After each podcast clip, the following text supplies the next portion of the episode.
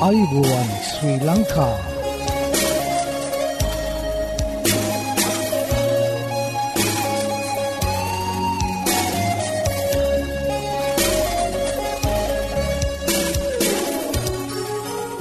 ඔබට සුපදස මේ Adventist world radio බලාපොරොත්වය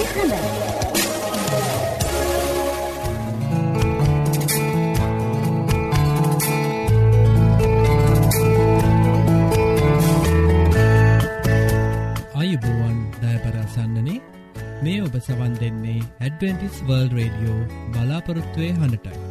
මෙම වැඩසටාන ඔබහටගෙනෙන්නේ ශ්‍රී ලංකා 7ඩ කිතුුණු සභාව තුළින් බව අපි මතක් කරන්න කැමති.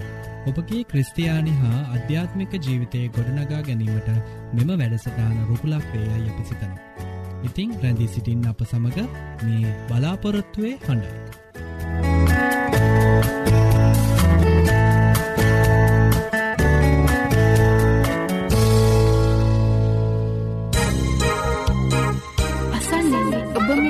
සිටින්නේ ඇඩ්වෙන්ටිස් වර්ල් රේඩියෝ බලාපොරත්තුවේ හඬ සමඟ.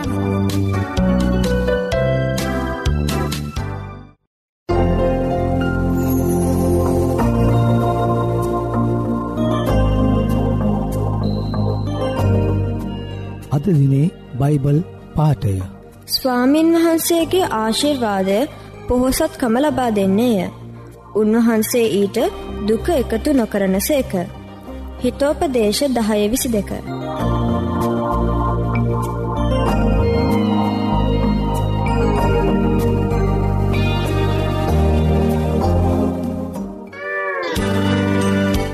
ආයුබෝවන් මේ ඇත්ටිස් වර්ල් රඩිය බලාපොරොත්වය හන. යෙසාය පනස්සිකි දොළහා නුඹලා සනසන්නේ මමය. ඔබට මේ සැනසම ගැන දැනගානට අවශ්‍යද? එසේනම් අපගේ සේවය තුළින් නොමිලේ පිදෙන බයිබල් පාඩම් මාලාවට අදම ඇතුල් වන්න.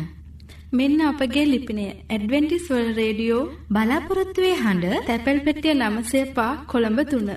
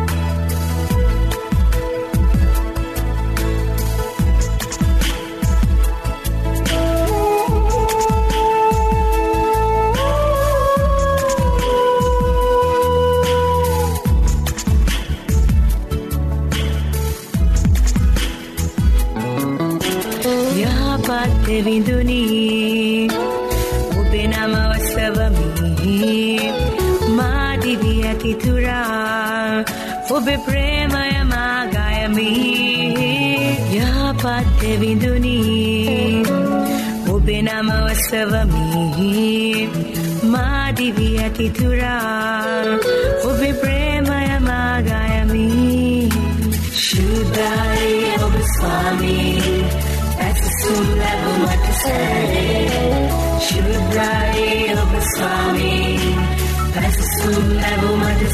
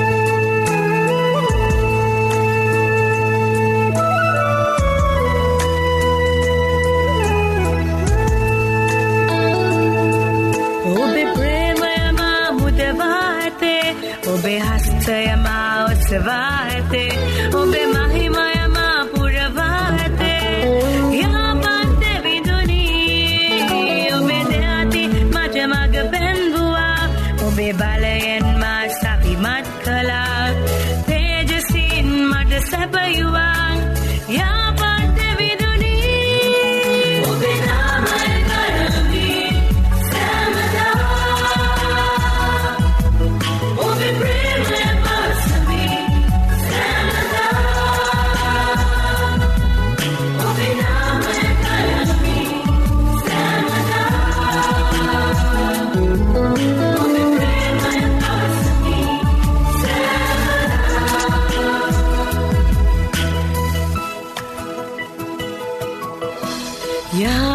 යාපත්ත විදුනී ඔබේ නම ඔස්සවමිහි මාදිවී ඇතිතුරා ඔබේ ප්‍රේමය මාගයමි යාපත්ත විදුනී ඔබේ නම ඔස්සවමිහි මාදිවී ඇතිතුරා ඔබේ ප්‍රේමය මාගයමි ශුද්ධයි ඔබ ස්වාමීන් जुमला घुमट सैर शुद्धाई अब स्वामी जुमला घुमट सैर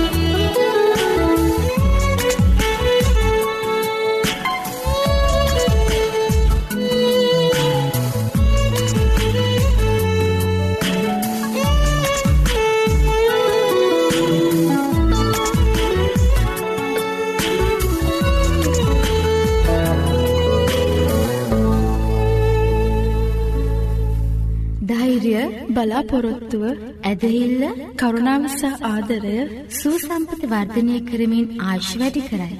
මේ අත්හදා බැලිමිට ඔබ සූදානන්ද එසේනම් එකතු වන්න. ඔබත් ඔබගේ මිතුරන් සමගින් සුවසතර පියමත් සෞඛ්‍ය පාඩම් මාලාවට. මෙන්න අපගේ ලිපිනය ඇඩවෙන්ටිස් වල් රේඩියෝ බලාපොරොත්තුවේ අඩ තැපැල් පෙටිය නම්සේ පා කොළඹ තුන්න. නැවතත් ලිපිනය ඇඩවිටිස් වර්ල් රේඩියෝ බලාපොරොත්තුවේ හඬ තැපැල් පෙට්ටිය නමේ බිඳුවයි පහ කොළඹ තුන්න. අසන්නන්නේ ඔබ මේ රැඳී සිටින්නේ. ඇඩවිටිස් වර්ල් රේඩියෝ බලාපොරොත්තුවේ හඬ සමඟ.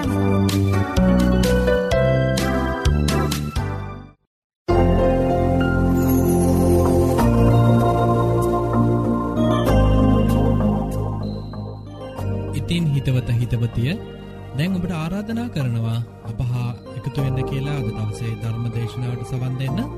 අද ඔබට ධර්ම දේශනාව ගෙනෙන්නේ හැරල් ෆිනෑන්ඩු දේවපැතිතුමා විසින් ඉතින් එකතු වෙන්න මේ බලාපොරොත්තුවය හඬට.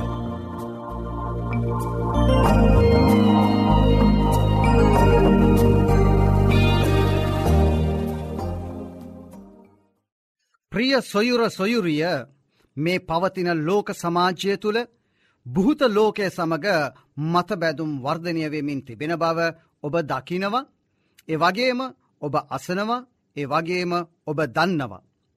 ගෙදර දොරට හෝ ජනේලයට තට්ටු කරනවා ඇහෙනවා. නිවස ඇතුළේ සතෙක් කෑගහනවා වගේ ඇහෙනවා. වත්තේ මැරුණ පුද්ගලයෙක් හිටගෙන ඉන්නවා හෝ ඇවිදිනවා වගේ පෙනෙනවා යන පුදුම සහගතදදේ අත්දකින බව බොහෝ අය කියනවා. තවත් අය ඔබගේ අතීතය වර්තමානය අනාගතය පැවසිය හැකි බවත් ශාර්රීක සහ සිතේ ගැටලු වේදනාවන් සුවකරන්නට තරම් අත් බුහත ලෝකයෙන් ලැබෙන බලයක් ඇති බවත් පෙර ජීවිතය පිළිබඳව කතා කළ හැකි බවත් පවසන්නට පුළුවන්. යම් දර්ශනයන් හා ආගම් අදහන සෑම දෙනාම මරණින් පසුවත් ජීවිතය නොකැඩී පවතින බව විශ්වාස කරනවා. මේවා ඔබව ජීවිතය තුළ රවටන්නට මගපාදවනවා. මෙම රැවටිල්ල සමහරවිට සමහර අයගේ මරණාසන්න තත්ත්වයටත් ඔබව ගෙනින්නට පුළුවන්ව තිබෙනවා. මරණින් පසු ජීවිතය පිළිබඳ වූ පොත් මාධ්‍ය හා චිත්‍රපටිත් ඔබ දැකල ඇති. මේවායේ හාස්‍යය හා විනෝධයත් ඔබ දැකල ඇති ඔබ දන්නවත් ඇති. නමුත් මලා වූ කිසිවක් නොදනී කියලා දෙව් වචන දේශනාකාරය පොතේ නමේ පහේ සඳහන්ව තිබෙනවා. එය නින්දකට සමානයි කියලත් තිබෙනවා. යොහන් එකොළහහි දහතුන එක තෙසලෝනික හතරේ දහතුන කියවන්න. මෙම සත්‍යසාර වූ බයිබල් ඉගැන්වීම වැරදිී යනුවෙන් ඔබ පෙළඹෙන්න්නට පුළුවන්. ඉතාම නර්ග භයානකදේ තමයි ආත්මය ශරීරයෙන් වෙන්වත් පවතින බව හා මලවුන් සමග සම්බන්ධකම් ඇතිකරගන්නට හැකි යනුවෙන් අදහස් කරවීම. නමුත් බයිබල් ඉගැන්වීම ඊට සම්පූර්ණයෙන්ම එරෙහිවයි තිබෙන්නේ. නමුත් දේව වචනය එම ක්‍රියාකාරකම්වලට එරෙහිව රුජුවම මෙන්න මෙහෙම පවසනවා. ඔවුහු කෙන්දරි ගාන්නා වූ තොල් මතුරන්නා වූ ආත්ම බන්ධන කාරයන්ගෙන්ද අනවින කාරයන්ගෙන්ද විභාග කරපල්ලා. යයි නොබලාට කියන විට සෙනගක් විසින් ස්වකීය දෙවියන් වහන්සේගෙන් විභාග කරන්ට යුතු නොවේද. ජීවතුන් උදෙසා මළවුන්ගෙන් විචාරන්ට යුතුදැයි අසා පල්ලා. ව්‍යවස්ථාවද සාක්ෂියද වෙතට යමු. ඒ වචනයේ හැටියට ඔවුන් නොකිව්වොත් ඔවුන්ට පහන්වීමක් නම් නැත යෙසාය අටේ දහනමේසා විස්ස කියනවා. මේ දෙවියන් වහන්සේ ඔබට කතා කරන්න වූ හඬ නියෝජනය කරන බැවින්. මෙම මූල ආශ්‍ර සැබවින්ම විශ්වාසනීයයි. ඔබ සමාජයේ දෘශ්‍ය මාධ්‍යය පොත් වීඩියෝ පටි විවිධ දැන්වීම් කෙරෙහි යොමු කරවන්නට උත්සාහ කරමින් ඔබව නොමග යවන්නා වූ බොහෝ හඬද අද තිබෙනවා. මේවා වෙනත් මූලාශ්‍රයකෙන් පොළඹවනු ලැබ. ඔබව විනාශය කරා මග දක්වන්නට සාතන් විසින්ම සැලසුම් කරලා තිබෙන බැවින් මෙම හඬවල් වලින් බොහෝමයක් විශ්වාස කළ නොහැකි. දෙවියන් වහන්සේගේ හඬ විශ්වාස කළ හැකි එකම දේ නම් උන්වහන්සේගේ පනිවිඩකරුවන් තුළින් කතහ කිරීමයි.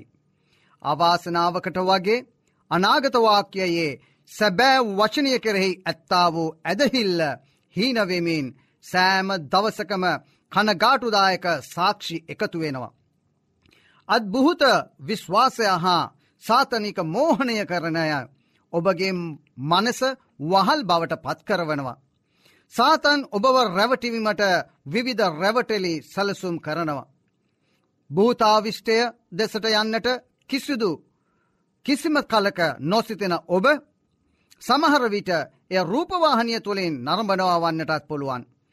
ආත්ම සමග සම්බන්ධතාවයක් ඇතිකරගන්නට උනන්දු කරවන සමූහයකට සවන් දෙන්නට වඩා ඔබ දැනසිටියත් මේ පනිවිඩ තුළින් කෙරෙන්නේ පෙළඹවීමයි. සියලුම නවීන සිතුවිලිවල මූලික රැවටිල්ල නම් පරිහරණය කිරීමට බලා සිටින ආත්මික බලයන් ඔබ සමගේ ඇති බවයි.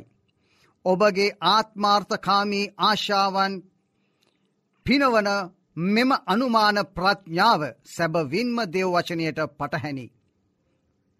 යාකොප්තුමා මෙහෙම කියනවා. ඒ ප්‍රඥාව ඉහලින් පැමිණෙන එකක් නොව බුහුමිකව මාංෂිකව යක්ෂයාකාරෝ තිබේ කියලා යාකොප් තුනේ පහළව සඳහන් කරනවා. නමුත් මාධ්‍ය තුළින් චාටු බස් දොඩවන මෙවැනි පනිවිඩවලට යළි යළිත් නිරාවරණයවීම තුළින් එය ඔබගේ සිතුවිල්ලේ පොදු තැනක් බවට තැන්පත් වෙනවා. ඔබත් අන්නතුරු තත්ත්වයටම කොතරම් සම්බන්ධ වනවාද කිව්වොත් සාතන්ගේ කාර්යය තේරුම් ගන්නේම නැති තත්ත්වයට ඔබ පත්වෙනවා. සමහර විට සාතන්ගේ මෙවැනි මිත්‍යාවන් තුළ ඔබ ක්‍රියා කරන්නට පටන් ගන්නත් පුළුවන්. එවිට තමයි දේව වචනය කියවන්නට ඉගෙනගන්නට ඇති ආශාවත් අඩුවන්නට පටන් ගන්නේ. මෙවැනි රැවටිලිකාරකම් වලින් එකක් හෝ ඔබ තුළ ක්‍රියා කරන තුරු රැවටිල්ල ඔබගේ සිත් ඇදගන්නා බැවින් සාතන් අවසානය ගැන කරදරවන්නේ නම් නැහැ. ඔබගේම වාසනාවට ඔබ වටා ඇති නොමග යවන පණවිඩ කුමක්ද කියා අවබෝධ කර ගන්නට උන්වහන්සේගේ වචනය කරන කොටගෙන දෙවියන් වහන්සේ ඔබට මඟ පෙන්වනවා. ඔබට එරෙහි වන්නේ මළමිනිසුන්ගේ ආත්ම නම් නොවෙයි යක්ෂ දූතයිනුයි.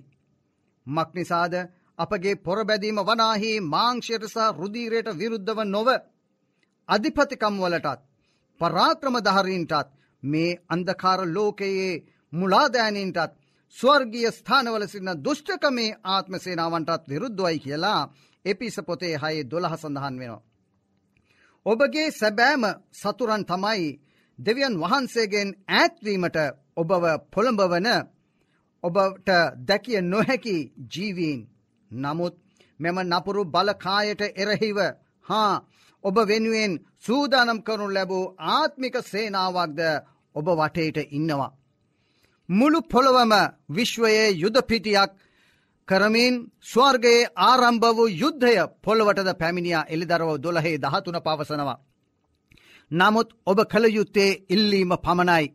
දේවදූතයෝ ඔබ ඉල්ලෙනතුරු බලාගෙන ඉන්නවා කියා සමහරු විශ්වාස කරනවා. ඒක සැබෑවක් වන්නටත් පුළුවන්.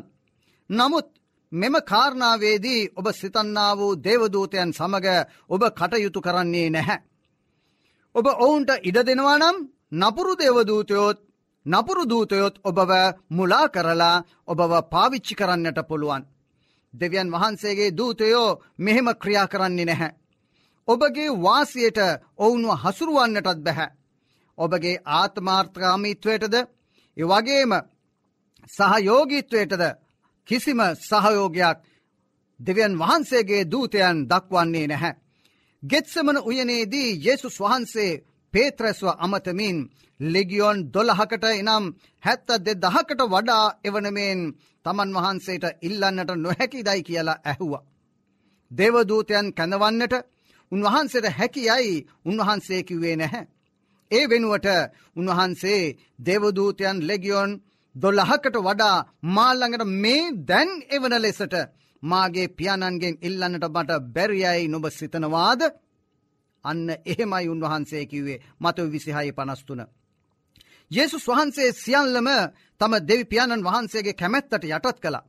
උන්වහන්සේත් දේවදූතයන්ව කැඳවුවේ නැත්නම් ඔබට එලෙස කරන්නට මොන අයිතියක්ද තිබෙන්නේ. අවසාන මුලාව පුළුවන්නම් තෝරාගත වුවන්වත් පවා මුලා කරන බවද ජෙසුස් වහන්සේ පැවසවා මතයුතුමා තුළින් විසිහතර විසිහතර.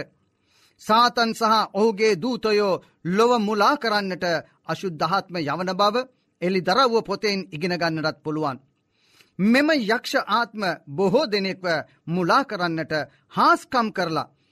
අර්මගදන්හි දෙවියන් වහන්සේ සමඟ යුද්ධ කරන්නට විශාල සේනාවක් එකතු කරන හොඳර මතකතියාගන්න. ඔබව හාස්කම් තුළින් ඔබව මුලා කරන්නට අද සමාජය තුළ සාතන් උත්සාහ කරනවා.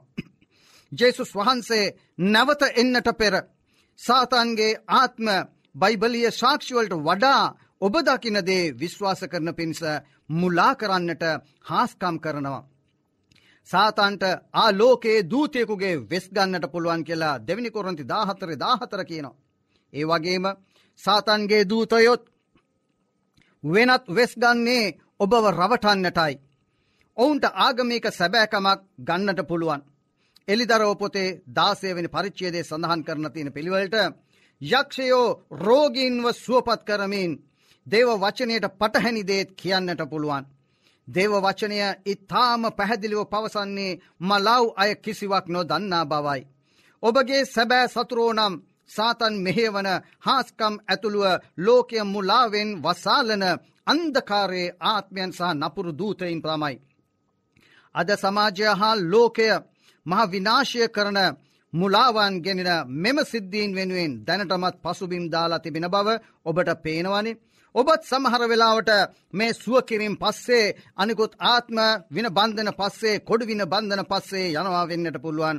ආරක්ෂාකාරි වන්න. ජේසුස් වහන්සේ වෙතට එන්න උන්වහන්සේගේ දෙපාමුල වැටලා සමාව ඉල්ලගෙන උන්වහන්සේගේ දරුවෙබ් බවට පත්වන්න.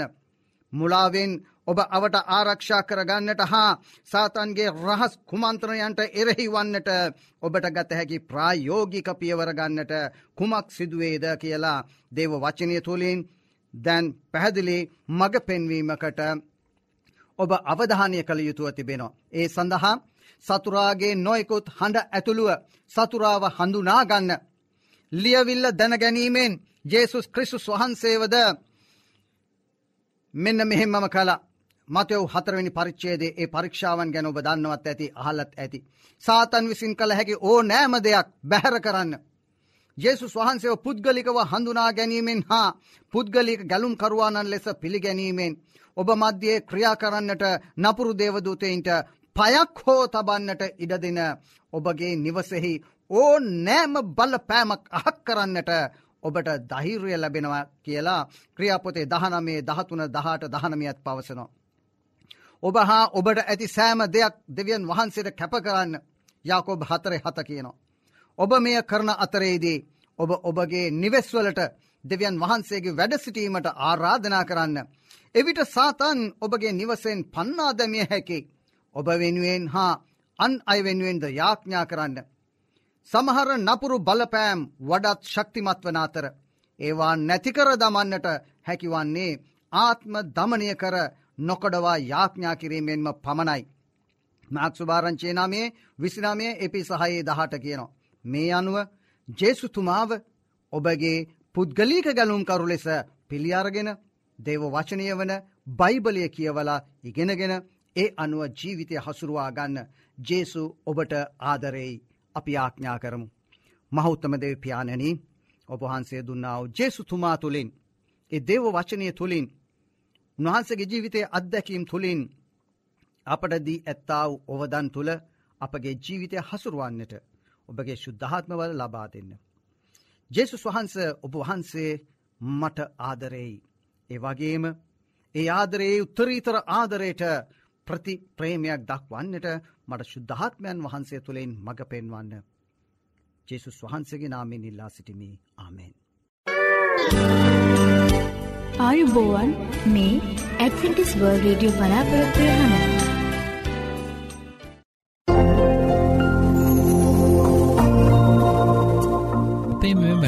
තුළින් ඔබලාට නොමිලේ ලබාගත හැකි බයිබල් පාඩං හා සෞඛ්‍ය පාඩම් තිබෙන. ඉතිං ඔබලා කැමතිනං ඒවට සමඟ එක්වෙන්න අපට ලියන්න.